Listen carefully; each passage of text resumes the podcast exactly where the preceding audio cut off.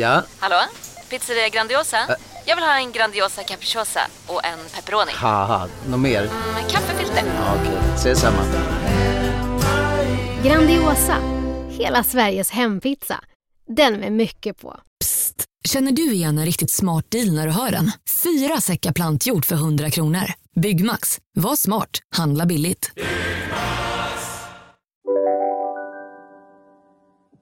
Hej och välkomna till ett nytt avsnitt av podcasten Billgren Wood med mig Sofia Wood. Och med mig Elsa Billgren. Mm. Och det här är vår trendpodd där vi pratar om samtidsfenomen och sånt som intresserar och sånt som vi ser mycket av i våra flöden. Och ibland har vi lite mer personliga avsnitt också. Mm. Och idag är vi lite en blandning av ett personligt avsnitt och faktiskt någonting som är väldigt mycket eh, en del av samtiden. Mm. Vi ska prata om ångest. Ja, välkomna.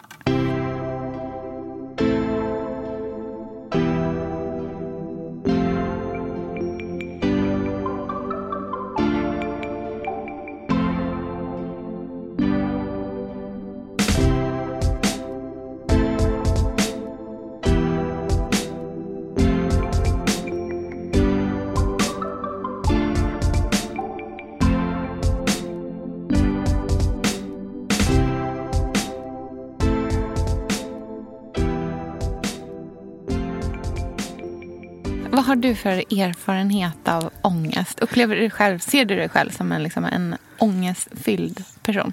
Nej, om jag ska vara ärlig så skulle jag vilja säga att jag har, jag har fruktansvärt dålig koll på ångest.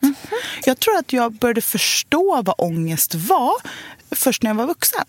Så det är ganska svårt att säga. Jag kanske är det, eller kanske har varit mer än vad jag tror. Eh, men jag har alltid haft svårt att liksom skilja på de dåliga känslorna. Ja.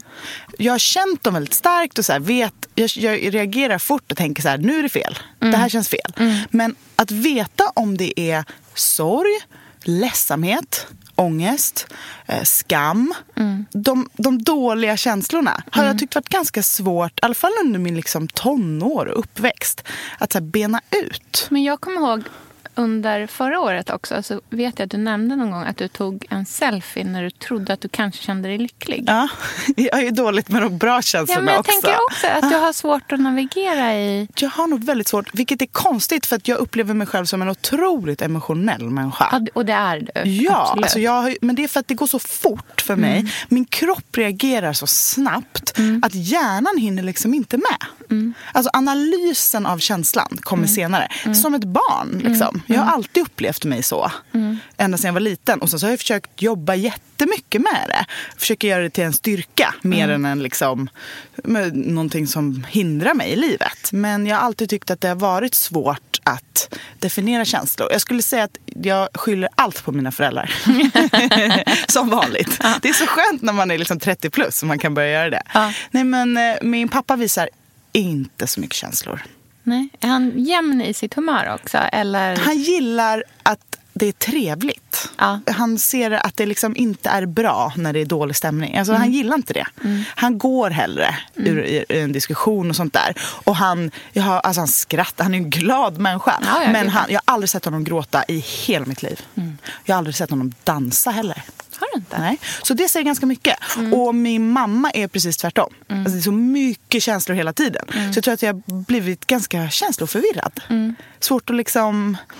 Men svårt att navigera Ja, svårt att lära mig hur ska man göra. Alltså, vad är det? Och så är jag lite av båda dem. Vilket eh, förvirrar ytterligare. Men jag har absolut erfarenhet av ångest. Det har jag. Du då Sofia? Är du en ångestfylld människa? Ehm, ja, det är jag. Krax. ja, precis. Ja. Nej, ja. Jag bara gråta redan så här, fem minuter Det kommer. in. Det kommer. Nej, men jag är en ganska ångestfylld människa. Eh, eller jag är en ganska orolig människa. Mm. Men du ser, Ehm, det är, är inte det två olika grejer? Eller är ångest och oro samma sak? Nej, men det beror väl lite på. Liksom. Eh, det behöver det absolut inte vara. Men min ångest tar sig liksom, uttryck mycket i oro. Mm, intressant. Eh, men jag, är, jag skulle säga att jag är en väldigt välfungerande eh, ångestmänniska. Så jag har ganska mycket liksom, strategier för hur jag hanterar det. Och jag eh, har liksom en tendens till att inte stanna i ångesten utan att jag liksom driver på för att den ska eh, bli produktiv istället. Men förstår du när du har ångest? Ja. Är du så här, nu har jag ångest? Ja, verkligen. Och vad är det för Eh, typ av ofta- situationer? Nej, men ofta kan jag bryta den också. För mig är det väldigt eh, nära kopplat till eh, liksom mina ega, egna höga förväntningar på mig själv. Eh, kan skapa väldigt mycket ångest. Ett så väldigt konkret exempel när jag får ångest är i princip varje gång någon ska komma hem till oss. Innan... Jag trodde att det var något du älskade. Det är det också. Ja. Men det är väldigt dubbelt. Det är verkligen det. Men alltid strax innan så vill jag alltid ställa in allting för att jag har så mycket ångest. För att... För att jag känner att ingenting är bra nog. Att det är liksom för, eh, det är för, för fult, för stökigt, för, Mm. för äcklig mat, för dåligt. Eh, alltså du vet, Ja, att allting förstår. bara liksom, att inte håller, att det inte duger. Men det där kan jag verkligen känna igen mig. Det är bara Mm. det att hos mig är det stökigt och äcklig mat. Det är det inte hemma hos dig. För Ja, men jag- jag... menar, den alltså, det finns ju ingen som har det så fint hemma och så god mat och så trevligt när man blir hembjuden till som hos dig. Ja. Jag, jag tror mina egna förväntningar på eh, vad jag vill att det ska vara Ja. eh, är liksom inte matchat med vad som kanske är liksom reellt möjligt eh, när man har liksom ett liv och tre kids och allting annat att liksom deala med också. Och, och har liksom, tar på sig väldigt mycket hela tiden. Eh, och det blir väldigt eh, komplicerat. att liksom, men det, Jag har väldigt svårt att leva upp till mina egna förväntningar på mig själv. Och anledningen till att jag har de här höga förväntningarna på mig själv. Det här är liksom väldigt mycket terapi som ligger bakom där. Att jag kan liksom nysta så mycket i det här. Det har inte alltid varit så tydligt för mig varför det är så. Men det har väldigt mycket att göra med liksom, eh, min uppväxt och ja, igen då. Vi kommer tillbaka till det här hela tiden. Med så här daddy issues. Ja, ja. Allt, Eh, allt grundar sig i det Ja, ändå. precis. Jag skyller allt på min pappa. Nej. Nej men eh, det är väldigt mycket liksom, eh, eh, min relation med min pappa eh, som till stor del har liksom format mig i vilka typer av förväntningar jag eh, har på mig själv och vad jag tror att jag behöver leverera eh, för att det ska vara liksom, för att det ska duga och för att det ska vara bra nog. Men har han haft höga krav på dig eller har han inte sett dig? Eh, han har haft väldigt höga krav på mig. Det har inte varit så att jag har behövt att liksom prestera för att han ska liksom se mig eh, överhuvudtaget. Eller att han ska lägga märke till mig.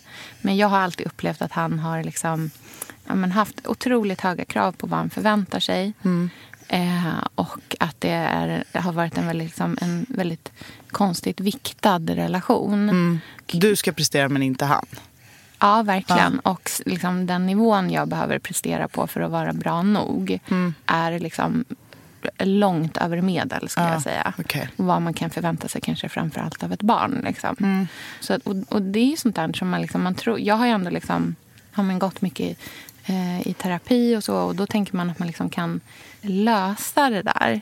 Eh, och för mig, eller jag upplever i alla fall att jag liksom inte kanske har löst resultatet men jag förstår resultatet. Alltså jag förstår, jag kan se min ångest och vara så här, "Ah, men nu har jag ångest och jag har det för det här. Men känslan finns ju fortfarande där. Bara för att jag förstår den betyder ju inte att den försvinner. Eh, däremot kanske jag kan hantera den lite bättre. Liksom. Och det finns ju positiva delar av att ha haft höga liksom, krav och förväntningar på sig också. Till exempel att man faktiskt blir en högpresterande person. Eh, så att det är ju inte bara negativt. Nej, och jag vet Förstår ju att du också njuter av det. Ja, gud jag, jag, jag går Det ju pratade igång vi om på i det. Liksom. prestationsavsnittet. Det är ju Ja. liksom tudelat det där. Ja, verkligen. verkligen. Ja, det är väl framförallt där som liksom, min ångest finns. Och att jag kan få lite, men nästan lite så social ångest ibland också. Mm. Jag trivs ju inte... Egentligen är det så konstigt att vi ens sitter här. För att Mm. jag tycker inte om att vara så mycket i fokus. Nej. Jag tycker inte så mycket om att vara i liksom Nej. rampljuset på Nej, det men sättet. jag har smittat dig lite tror jag. jag har visat the good life. Ja, verkligen. Men det, det har ju varit liksom... Alltså, du vet ju själv hur det har varit när vi har stått på liksom Ellegalan. Ja. Och jag bara, nej, jag, jag, jag vill verkligen inte. ens- Jag smiter bort här borta. Men ingen gillar att stå på röda mattan. Det är fruktansvärt. Ja, du är duktig på det. Nej, men jag vet ju att det ingår Ja. i paketet. Ja, Liksom. du. Det är som man betalar för festen. Ja, Exakt.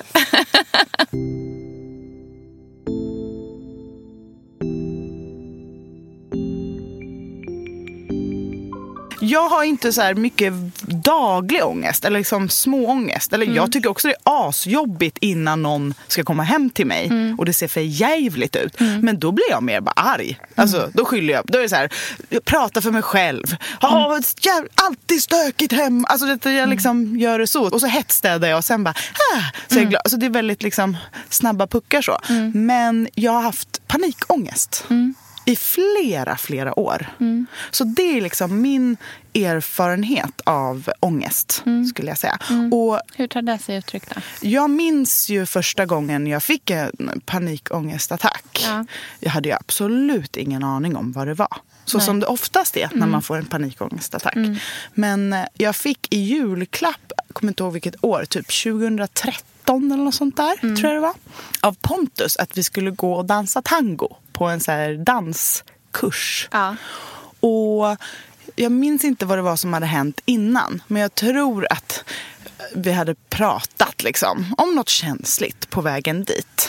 Och sen när vi skulle kliva in i salen och jag såg alla stå och dansa där. Så var det som att det svartnade för ögonen. Och hjärtklappning. Och jag hade svårt att andas. Och jag blev extremt folkskygg. Alltså, jag, alltså jag kände mig som ett djur som behövde bort därifrån från så fort som det bara gick. Liksom, just den här känslan av att gömma sig. Alltså, den, var så, den bara sköljde över mig. Jag måste skydda mig. Jag måste skydda mig och gömma mig. Det här är fel. Kroppen skriker nej, nej, nej, nej, Panik, nej. liksom. Panik. Och sen satte jag mig i en stentrappa och hyperventilerade och sen gick vi hem och så grät jag bara. Och förstod liksom inte varför. Bara, Hatar jag tango? Alltså, vad, är, vad är problemet? Liksom, Hur mycket kan man ogilla tango? hur mycket kan man liksom vara stressad över prestationen i det Men det, det var liksom inte det. Men jag fattade inte då. För att det var så frånkopplat från den egentliga orsaken. Och vi gjorde ju ingenting åt det. Alltså det var ju inte så mycket att göra eftersom det var så svårt att förstå vad det var. Men sen kom det liksom oftare och oftare där runt 2013-14 att jag kände de här känslorna när jag gick in någonstans med mycket folk. Och att jag eh, kunde liksom nästan börja yra. Minns att jag var i en eh, eh, kontorsmaterialsaffär. Skulle köpa så här små etiketter till mina brudklänningar där man kan skriva så här, vem som har bokat. Och jag liksom gick och typ, jag bara gick och yrade, höll på och du vet, jag höll på att liksom nypa mig i händerna och såna där saker. Och ringde Pontus och bara, är det som händer? Jag håller på att dö. Va- varför mår jag så här? Och han fattade ingenting. Men då började jag googla på panikångest och insåg att det var det jag hade. Och det man ska göra då är liksom att andas djupt, inse att det inte är något farligt utan att det faktiskt är kroppen som säger till mig att det är någonting som är fel som måste redas ut. Så då eh, hjälpte Pontus mig att kontakta en terapeut. Så började jag gå i terapi och insåg att det handlade om mina föräldrars skilsmässa. Att det var eh, liksom bördan av att tagit hand om min familj när den splittrades. Och att jag inte tog hand om mina känslor i det. Nej. Och det handlar ju inte om att så här, det var ingen sorg. Alltså det var inte att jag sörjde att mina föräldrar inte ville vara gifta längre. För att jag är ju vuxen. Jag vet ju att det är mycket bättre att inte vara med varandra om man inte liksom, mår bra i relationen. Så rent liksom i huvudet fattar jag det. Men känslan av att inte ha en familj längre. Ja. Känslan av att så här, mamma är där borta ensam. Allting är Pappa har en ny liksom. kvinna, ny lägenhet. Min bror och min syster, vi kan inte prata om det. Och att det är löpsedlar överallt. Och att jag liksom som mellanbarn var tvungen att hålla ihop alla och få dem att liksom vara med näsan över vattenytan och göra det ett par år.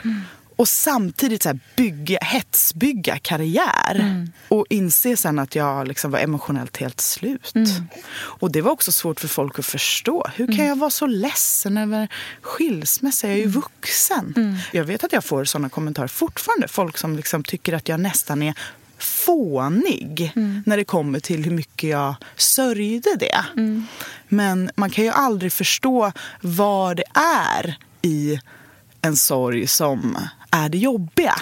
Nej, verkligen inte. Och det är så otroligt, liksom, det är så otroligt individuellt hur en sån där sak liksom, hur, hur det sätter sig i en. Liksom. Ja, och vad det är för, liksom, hur folk mår. Jag har ju alltid tagit hand om alla i min familj. Och när alla mår crap på Ja. olika sätt Ja, också. det blir en väldigt stor börda. Ja, Mm. och framförallt då att man inte tar hand om sina egna känslor. Och jag har aldrig, aldrig, aldrig vågat säga någonting. Nej. Alltså så här, sätta krav på mina föräldrar. Säga så här, nu skärper ni till er. Typ. Eller, alltså, det har inte funnits på kartan. Nej. Så att jag har aldrig kunnat få utlopp för de där, liksom, den där ilskan till exempel. Som man kan känna när man tycker att någon beter sig barnsligt. För även ens vuxna föräldrar kan bete sig Gud, ja. barnsligt. Speciellt under sådana så här kaos situationer som en Ja. separation. Det är väldigt få människor som efter 30 års äktenskap gör en liksom snygg skilsmässa. Nej. Speciellt inte i offentlighet. Alltså det är väldigt svårt att få Mm. det att bli liksom... Nej, men det kanske inte är ett snyggt tillfälle i Nej. livet. Liksom. Det är ju ofta mycket historia också. Mm. som kommer fram och många frågetecken och sådär.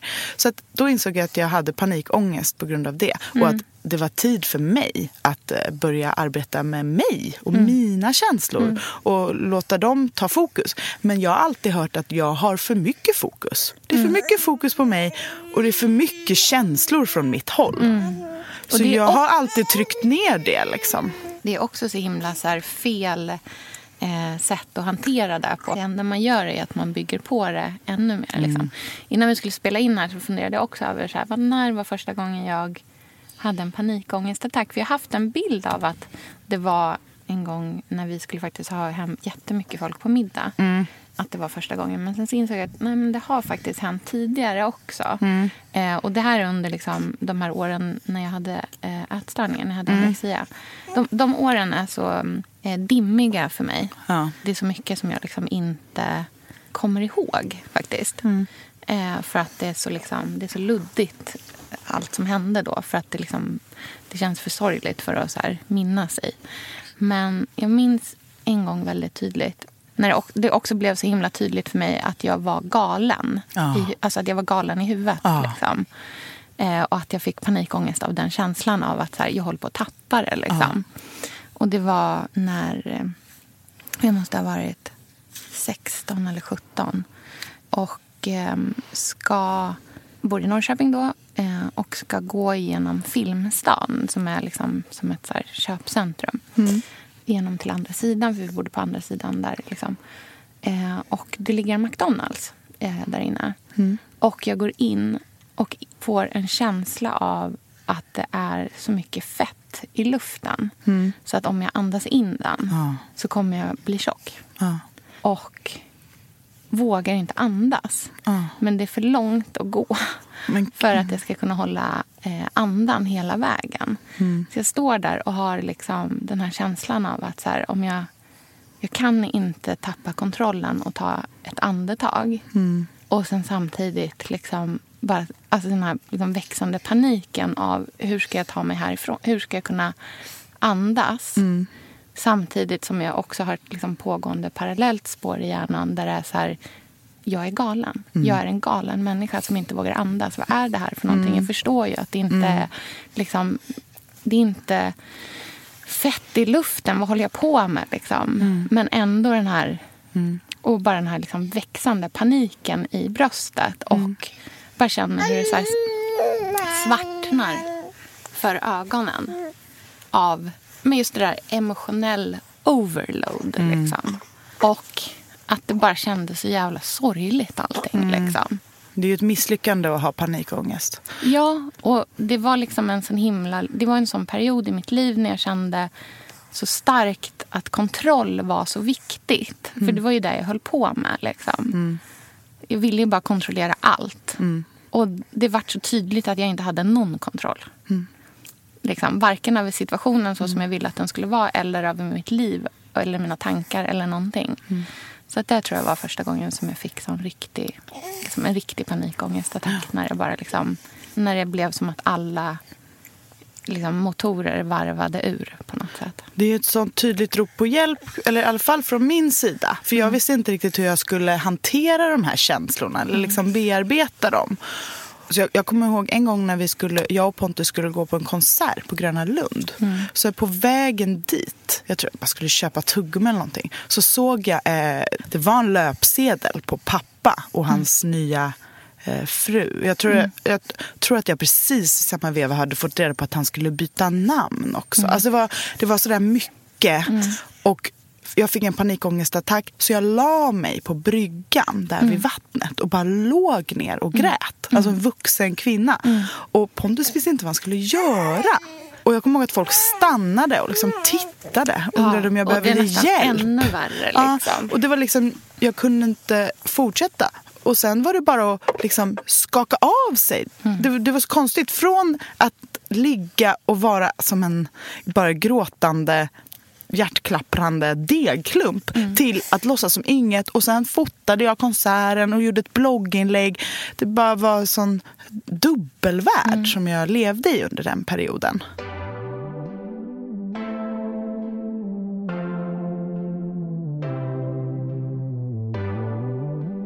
I samma veva som jag fick panikångestattacker så började jag gå i terapi. Och det var verkligen lösningen för mig. Vi pratade liksom inte om panikångestattackerna så mycket. Utan vi pratade bara om, eh, om mig. Och anledningen till Ja. att du ens hade fått dem. Precis. Vi liksom rotade i mig och jag, jag och mina känslor fick ta hur mycket plats jag bara ville. Jag fick bara bre ut dem över hela rummet.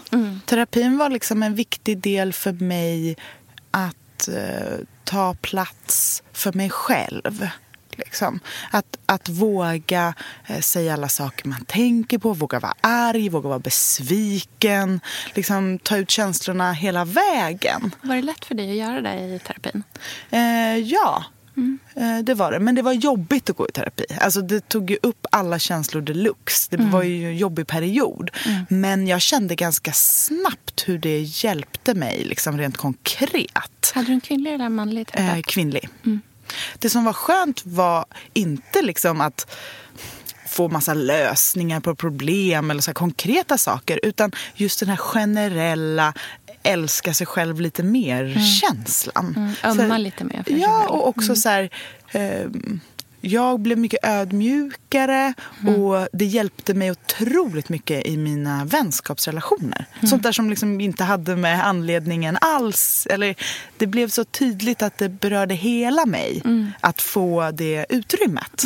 Så de panikångestattackerna som jag hade där 2013-2014 de var ju bara en katalysator till en stor liksom, genomgång av mig. Och det var väldigt skönt och viktigt då. Och det var väldigt bra. Och så slutade jag gå i terapi när jag blev gravid. Så att det var en liksom, viktig tid för mig att gå ifrån den här familjen jag kommer ifrån som jag har identifierat mig med så otroligt mycket till att bli en egen person. Och bygga min egen familj. familj och mina egna värderingar och liksom inse att jag inte är mina föräldrar. Jag behöver inte, de kommer vara exakt som de är och jag får lära mig att älska dem som de är. Och liksom, jag behöver inte hjälpa dem bli bättre människor. Det är inte min uppgift att lösa deras problem. Eller någon annan i min familj. Och man kan säga nej till släktingar. Alltså jag lärde mig så mycket bra saker som jag använder idag. Och så slutade jag få panikångestattacker helt. Men jag kan ju fortfarande få lite små känningar på det. Men jag vet exakt liksom när det händer och hur jag ska undvika det. Mm, vad gör du då, då när det Nej, men händer? Jag vet att det händer, det här är så konstigt, när jag går in i rum. Mm. Alltså så här inträden i olika sammanhang. Mm. Och då vet jag att det får inte vara massa störande grejer då. Jag har sagt Sofia, vi är sponsrade av Tradera som är vår favorit, älskling och räddare i nöden. Nu ska alla göra exakt det jag ska göra. Ja, Mitt enda fokus just nu det är att sälja allt jag har. och Jag ska göra det på Tradera. Och, jag vill rekommendera alla att göra men det. så skönt att slippa ha typ loppis på gården och ingen kommer. Ta, talat av egen erfarenhet. Mm, nej, eller? nej, nej. På Tradera det är ju alltså en otrolig marknadsplats för cirkulär konsumtion. Och Det är liksom så vi måste tänka framöver. Framför allt så ska vi tänka på vår semesterkassa. Den ska vi också tänka på. Den ska fixas nu. Ja, och för att det ska klirra till lagom Ja. till semestern så är det lika bra att börja rensa nu. Vad har vi i skåp? Vad har vi i lådor? Vad kan bli till rena pengar på kontot? Vad kan kan bli min sommarresa? Mm, vad kan bli den där, ja, men den där goda lunchen efter en dag på stranden? Vad kan bli en picknickkorg full av godsaker? Vad kan bli en ny gräsklippare när den gamla pajade? Den här sommaren ska bli den bästa sommaren. Jag vet, du, det här läste jag faktiskt i tidningen i morse också. Mhm. Att det ska bli en otrolig sommar. Det ska vara så soligt, vi kommer bada så mycket. Allt, det ska njutas. Det ska det. Mm. Vi är värda det efter den här vintern. Ja, och vi gör det genom att fixa semesterkassan Ja. tillsammans med Tradera. Underbart! Så in och sälj dina saker på Tradera och boosta semesterkassan nu. Tack Tradera på så många sätt. Älskar er!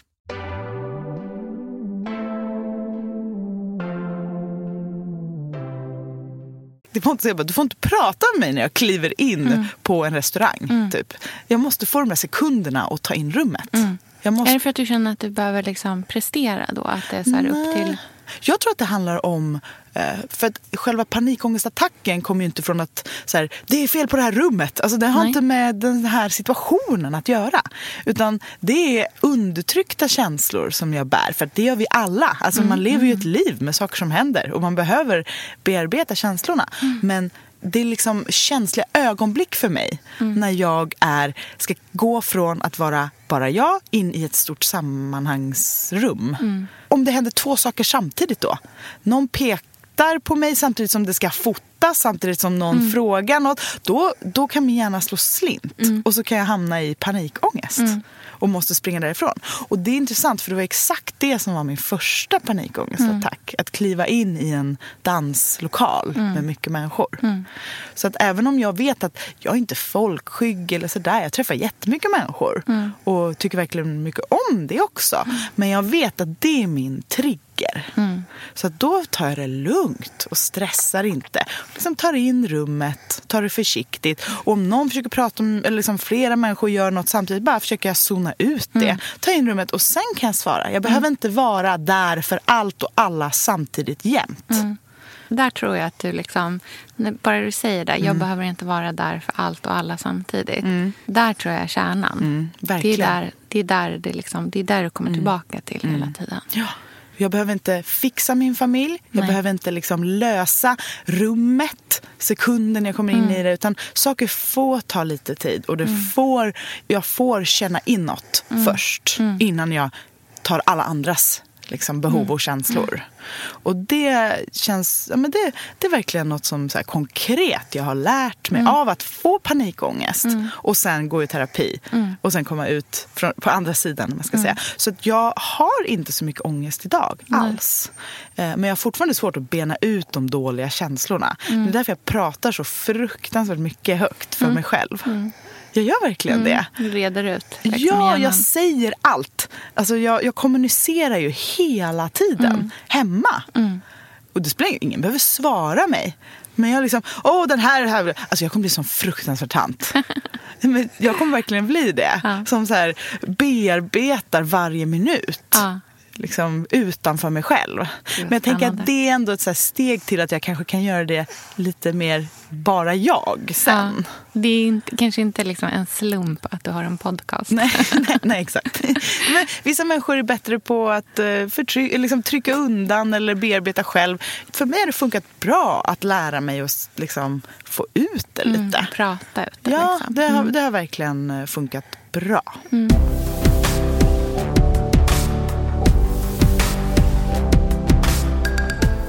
Jag har ju också gått eh, en del i eh, terapi eh, och lärt mig att eh, hantera min liksom, ångest också så att den inte tar överhanden. Och framförallt också att den inte är farlig. Att det liksom, världen går inte under för att man har ångest. Och att man kan liksom, jag lärde mig väldigt mycket att här, se mina känslor utifrån. Och vara så här, ja men där, här, här är den här känslan. Nu har jag den. Jag har den på grund av det här. Och det är ingen farligt. Nej. Den, får, den får finnas där också. Jag måste inte liksom lösa allting hela tiden. Nej. Eller finnas där för... för eh, liksom igen också då det här, så här finnas där för, för andras skull. Utan att så här, det här är jag, det får vara okej det också. Men har du några knep i vardagen på liksom hur du gör så att ditt liv blir så ångestfritt som möjligt? Mm. Alltså, det jag försöker verkligen, verkligen, verkligen göra det är att sänka kraven. Och sänka liksom, den här känslan av att hela tiden behöva leverera på en så perfektionsnivå. Och det jag försöker göra då, det som jag liksom konkret gör, det är att jag försöker se mig själv som att jag var en annan människa. För hur skulle jag, om jag liksom skulle bedöma en annan person Just det. som gjorde det här. Eller som hade det så här. Hur skulle jag känna för den personen? Eh, Svaret är ju alltid att jag inte skulle döma en människa negativt. Nej. För det, det gör jag verkligen inte. Jag ser inte på andra människor med samma ögon som jag ser på mig själv. Och försöka använda liksom den empatin som jag kan känna för andra. Försöker jag att använda mot mig själv. När Men jag det där är ju ett klassiskt hårt. knep. Liksom. Just att så här, va, vara sin egen bästis. Ja, att tänka på verkligen. sig själv som ens bästis. Ja, verkligen. Ta hand om sin bästis. Precis. Just den här liksom, att, att, ha, att ömma för sig själv och att ha empati för sig själv. För sina egna liksom, känslor. Och när liksom, ångesten pockar på för mycket, andas. Andas, andas, andas. För det är det som jag har gjort tidigare. Liksom, är just den här, du vet att man håller andan och bara låter hjärt, hjärtat börja rusa och sådär. Men eh, har du mycket ångest i din roll som förälder? Det har jag nämligen. Ja. jag, bara kom, jag tänkte efter, så kom jag på. Alltså, vet, jag, jag, har inte så mycket så här, jag går inte omkring och ojar mig över min ångest. Men jag, har, jag får ofta såna där Åh nej! Såna, ja. du vet, såna där Ja, rus. en. Ja. Och grejen och du vet att jag kommer på eller jag, jag har alltid liksom något i bakhuvudet som jag vet om jag tänker tillräckligt hårt Ja. så kommer jag komma ihåg det. Ja, Och då kommer ångesten. ja, Typ som häromdagen när Lynn ramlade ur sängen på huvudet. Ja, Vår säng är jättehög. Han ramlade alltså på huvudet för att han trasslade in sig i överkastet. Så att han såg ingenting. Så armarna var bak. Alltså hela Ja, han, det, var, ja, det såg inget bra ut. Nej. Och du vet, då stod ju där, jag där med mobilen och fotade för att han var så gullig först och så ramlade han ja. såna situationer. Mm. När jag bara slänger den. Och, du vet, och, ta, och jag ser ju att det är ingen far. Eller han är ju, det gjorde ju ont och han Mm. är ju rädd. För att han såg ju inget när han ramlade. Men jag är ju så här, nej men alltså nu dör han. Mm. Och jag står här med mobilen och tar en gullig bild. Den ångesten Mm. har jag ofta. Att jag liksom, att det ska vara för sent. Alltså lite så här, den här situationen hände aldrig. Och Mm. så förtränger jag, för det, det finns liksom, jag har lärt mig, han får aldrig mer vara i sängen bara. Nej. Jag ska aldrig fota honom. Så säger min hjärna. Ja. Och sen så bara låtsas jag som att det aldrig har hänt. ja.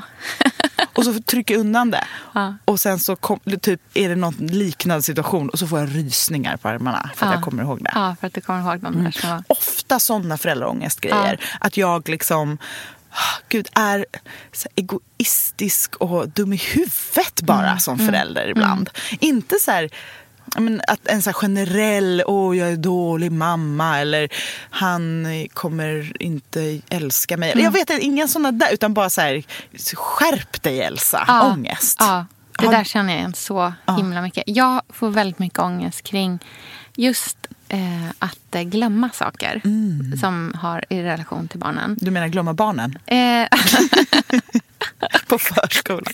glömma på bussen, glömma på... Ah. Nej, Du jag... har så många att hålla reda på också. svårt. Nej, men typ ett av mina barn nu innan jul Mm. eh, var en så här julgrej i skolan. Mm. Ruby. Eh, jag tänkte att jag så här skulle skydda hennes Ett av- integritet. ett av mina anonyma Ett av mina barn. Vi, alltså det är så himla mycket grejer som händer hela tiden. Ja. Och jag försöker hålla allting i hjärnan. Och jag, du vet, ammar. Man blir så jävla dum i huvudet när man ammar. Mm. Man, jag tappar, alltså jag tappar ju liksom, man tappar tråden hela Mm. tiden. Och eh, glömmer bort att det är en fika i parken. Mm. Som det ska vara liksom uppträdande. Och eh, ja, verkligen tappat bollen. Och det ger mig sån fruktansvärd ångest sen. Att hon ska liksom... Alltså jag kommer ju på det i tid till att jag ska liksom bli typ 5-10 minuter sen. Och precis missa det här uppträdandet. Liksom. Och alltså så här, känslan av att komma inrusandes i den där parken. När alla andra föräldrar står där. Och mitt barn har stått och sjungit utan att det har varit någon som har tittat på henne. Den ångesten. Som, alltså du vet, och det kan jag så här... Känslan av att vara, liksom, att vara den här fuck-up-föräldern. Den som... För det vävs ihop med dina, liksom, hur du vill framstå också. Ja. Du kämpar ju verkligen med näbbar och klor för att vara en underbar förälder Ja. som, som gör också det där lilla extra. Eller hur? Ja, verkligen. Och sen och tappa det. Liksom. Ja. Och tappa den bollen. Det är så här, liksom, för mig, den stunden, den känslan, den kommer jag typ aldrig glömma. Nej. Tror inte jag. Och, och Men kan du inte göra som jag? Förträng Ja. och sen ta fram det när du tänker lite för hårt. Ja, jag har, väl, alltså du vet, jag har ju ett batteri med piskor. Du har ett utrymme i hjärnan Ja. som är helt vigt Ja. till detta. Ja, jag har ett utrymme i min hjärna, ett litet, liksom, ett litet biblio- ett kartotek över saker som när jag har failat, som jag kan ha ångest över. Som Bara, jag nu i tar liksom... vi fram kartoteket, bara fring. Ja, precis. Alltid, alltså du vet, så här, när jag vill liksom straffa mig själv lite grann, då går jag dit. Och så tittar jag på liksom mina olika misslyckanden. Och, och det är så här stort som smått. Liksom. När jag tappade, jag vet när jag var 12 år gammal, så eh, jag hade fått ett halsband av min pappa. Eh, ett litet guldhjärta som han hade fått av sin mamma när han fick sin första hjärtattack. Eh, och eh, jag fick det halsbandet och tappade det.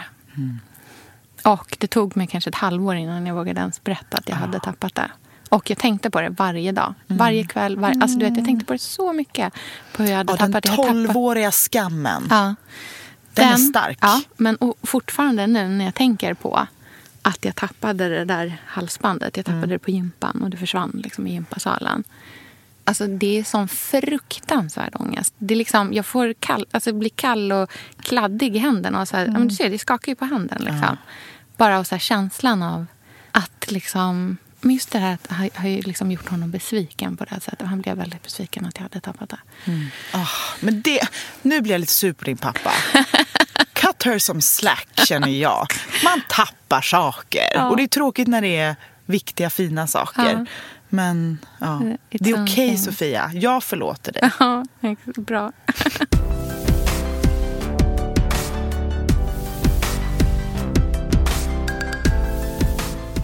Dödsångest då? Det är ändå en sån här, det är sånt där härligt ord. Ja.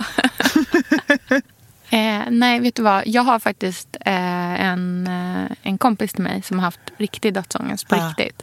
Så Och- Alex Schulmansk dödsångest.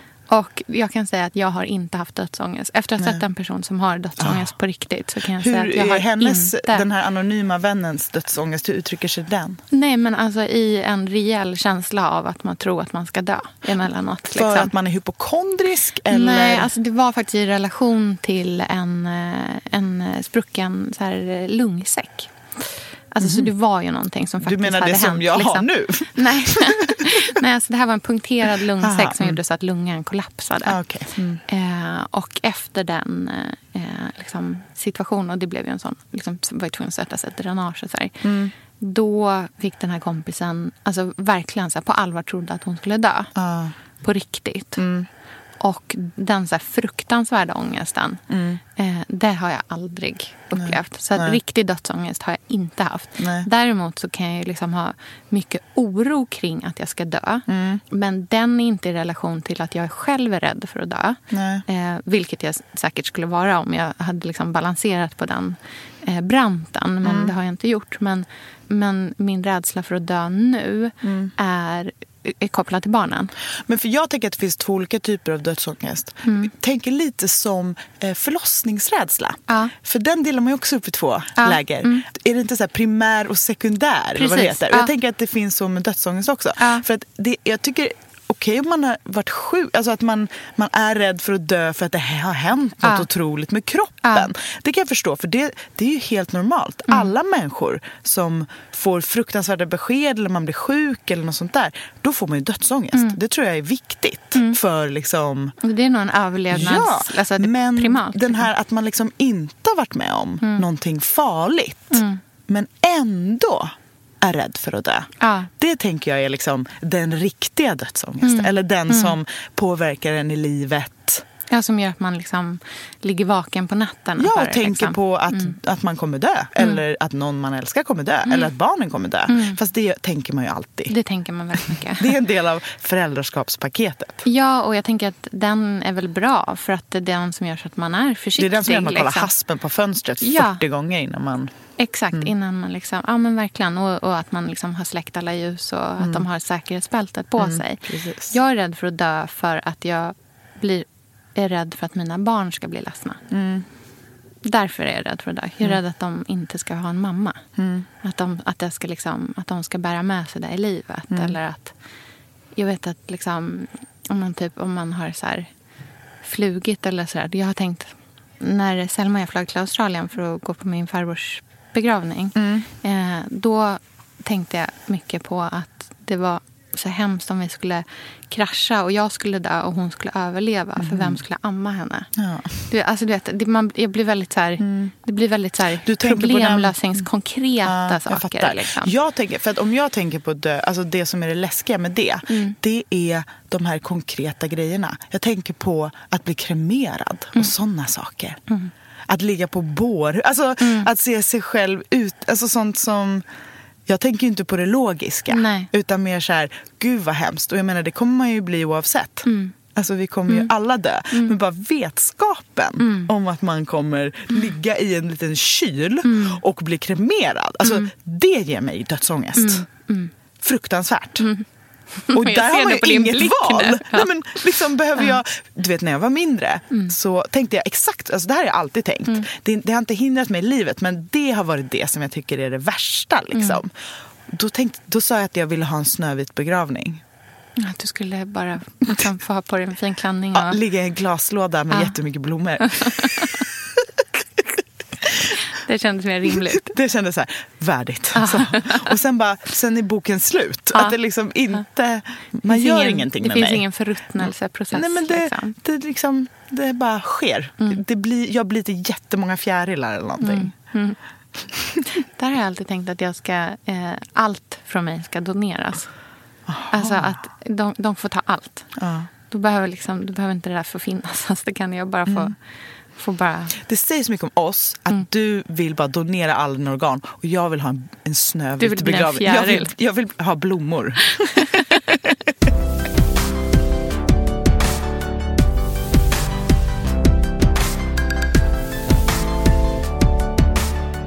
Åldersnoja då? Eller Mm. åldersångest? Har du det? Nej. Nej. Nej, nej. Är du rädd Vet att du förlora Jag- din skönhet? Nej, jag tror att jag kommer bli så jävla snygg som gammal. Gud, jag älskar det. Alltså. Jag, Jag tror älskar det. att du känner så. Ja, Vad men det, jag känner så. Jag kommer åldras snyggt. Jag, Ja. jag, bara, jag, jag Ja. går in i det nu. Liksom. Ja. Jag tänker att det kommer bli fint grått hår. Liksom snygga rynkor. Har, du fått ett, har du fått ditt första gråhårstrå? Nej, men jag är så blond. Ja, Och då kanske man inte blir gråhårig. Man kanske bara blir vithårig. ja förhoppningsvis. Ja. Men jag tänker att jag, du vet, så här, fina rynkor, Mm. spännande blick, mycket att berätta. En så här elegant kulturtantstil. I love you. Och jag kommer ju ha åstadkommit så himla mycket. Ja. Så att jag kommer ju ha såna otroliga liksom, hus och Historier mycket att berätta. böcker. Och Ja. Härligt och liksom, det, det är rödvin. Alltså jag tänker att jag kommer åldras med grace, Ja. som man säger. Ja. Gud vad härligt. Mm. Vad Så. Mm. jag ser verkligen fram emot detta. Men däremot så eh, tänker man ju så här, ha fylla år. Ah, tråkigt med de här siffrorna, Ja. Tycker jag. Ja. Räkna ner mot döden. Fast när du liksom. satt på Wienercaféet förra året med ballonger så kändes det inte som att du tyckte att det var jättetråkigt. Nej, alltså jag tycker inte det är tråkigt. att Fylla år älskar jag ju. Ja. Då, får- alltså, då får man ju paket Ja. Men uppmärksamhet. siffrorna liksom. Ja, men så att, nu fyller jag ju 33 snart. Mm. Jaha, Vad betyder det? Men det, det betyder ju ingenting. Mm. Nej. Det, men det är också för att jag är i ett mellanland. Jag är inte ung, jag är inte medelålders, jag är bara småbarnsförälder. Alltså det är en ganska 33 är en så konstig ålder. tråk, Mm. Konstigt. Vad är det för Vad ålder? är jag ens? Vad är det för Ja. ålder egentligen? Nej, men så jag skulle inte säga att jag har åldersångest. Och jag tänker att Pontus kommer också åldras snyggt. Han kommer ju få så här Mr Sheffield Mhm. Ja. Mm. silver i håret. Och eh, lite grå... Ja, men, blir liksom mm. de grå tinningarnas skärm. Mm, Mm. Precis, så där känner jag att vi är safe. har du ångest för att åldras?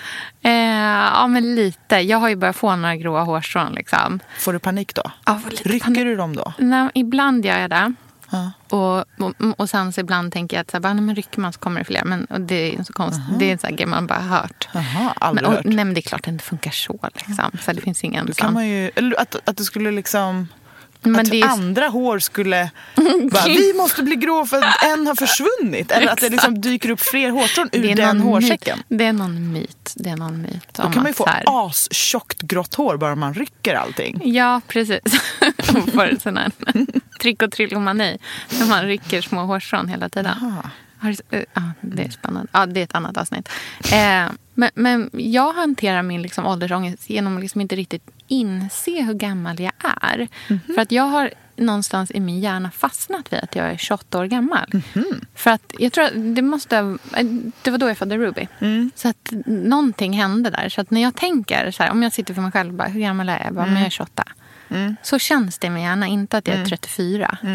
Eh, och jag svarar ofta, ganska ofta fel när folk frågar hur Ja, gammal jag är. För man att får jag, tänka lite. Jag Mm. måste typ så här, bara, eh, 2019 minus 1984. Så, det gör jag typ hela tiden. Jag glömmer bort hur gammal jag är. Ja, så hanterar jag min Jag ignorerar min ålder helt enkelt. Lägger den i kartoteket och tar fram den när det behövs. Exakt.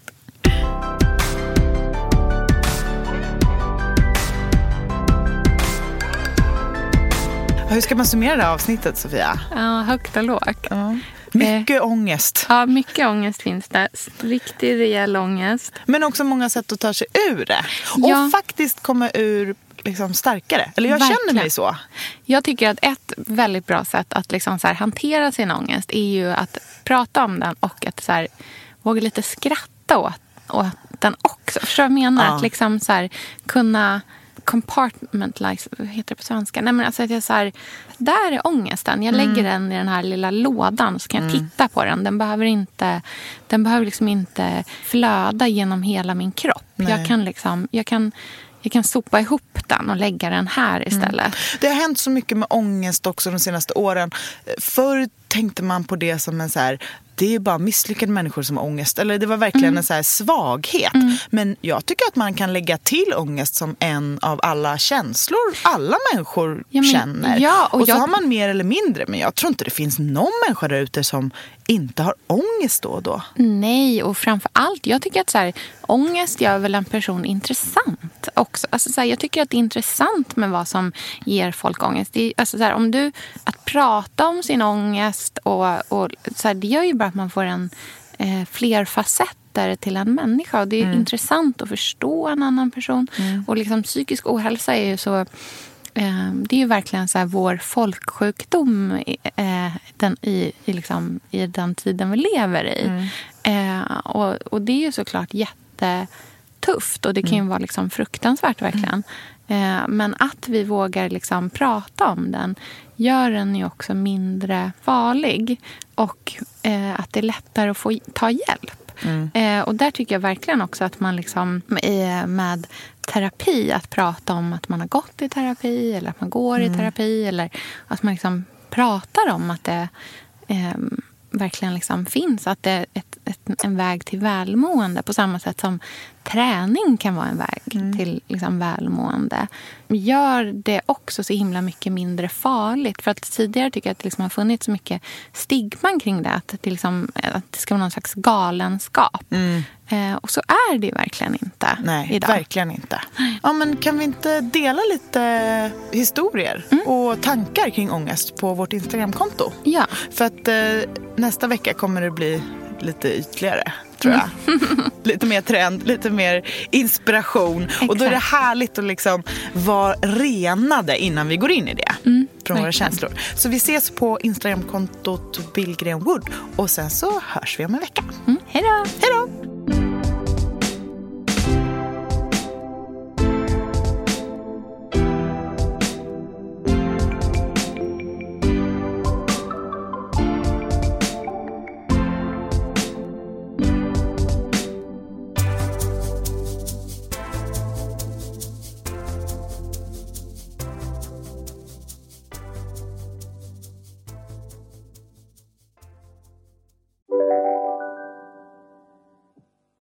Lyssna på en ekonomistats podcast om du vill lära dig mer om döden, livet, kärlek, sex och hur allt hänger ihop med pengar på något sätt. Med mig Pingis. Och med mig Hanna. I samarbete med Nordax Bank. Hej, Synoptik här. Visste du att solens UV-strålar kan vara skadliga och åldra dina ögon i förtid? Kom in till oss så hjälper vi dig att hitta rätt solglasögon som skyddar dina ögon. Välkommen till Synoptik. Dåliga vibrationer är att skära av sig tummen i köket. Ja! Bra vibrationer är att du har en tumme till och kan scrolla vidare. Få bra vibrationer med Vimla. Mobiloperatören med Sveriges nöjdaste kunder enligt SKI.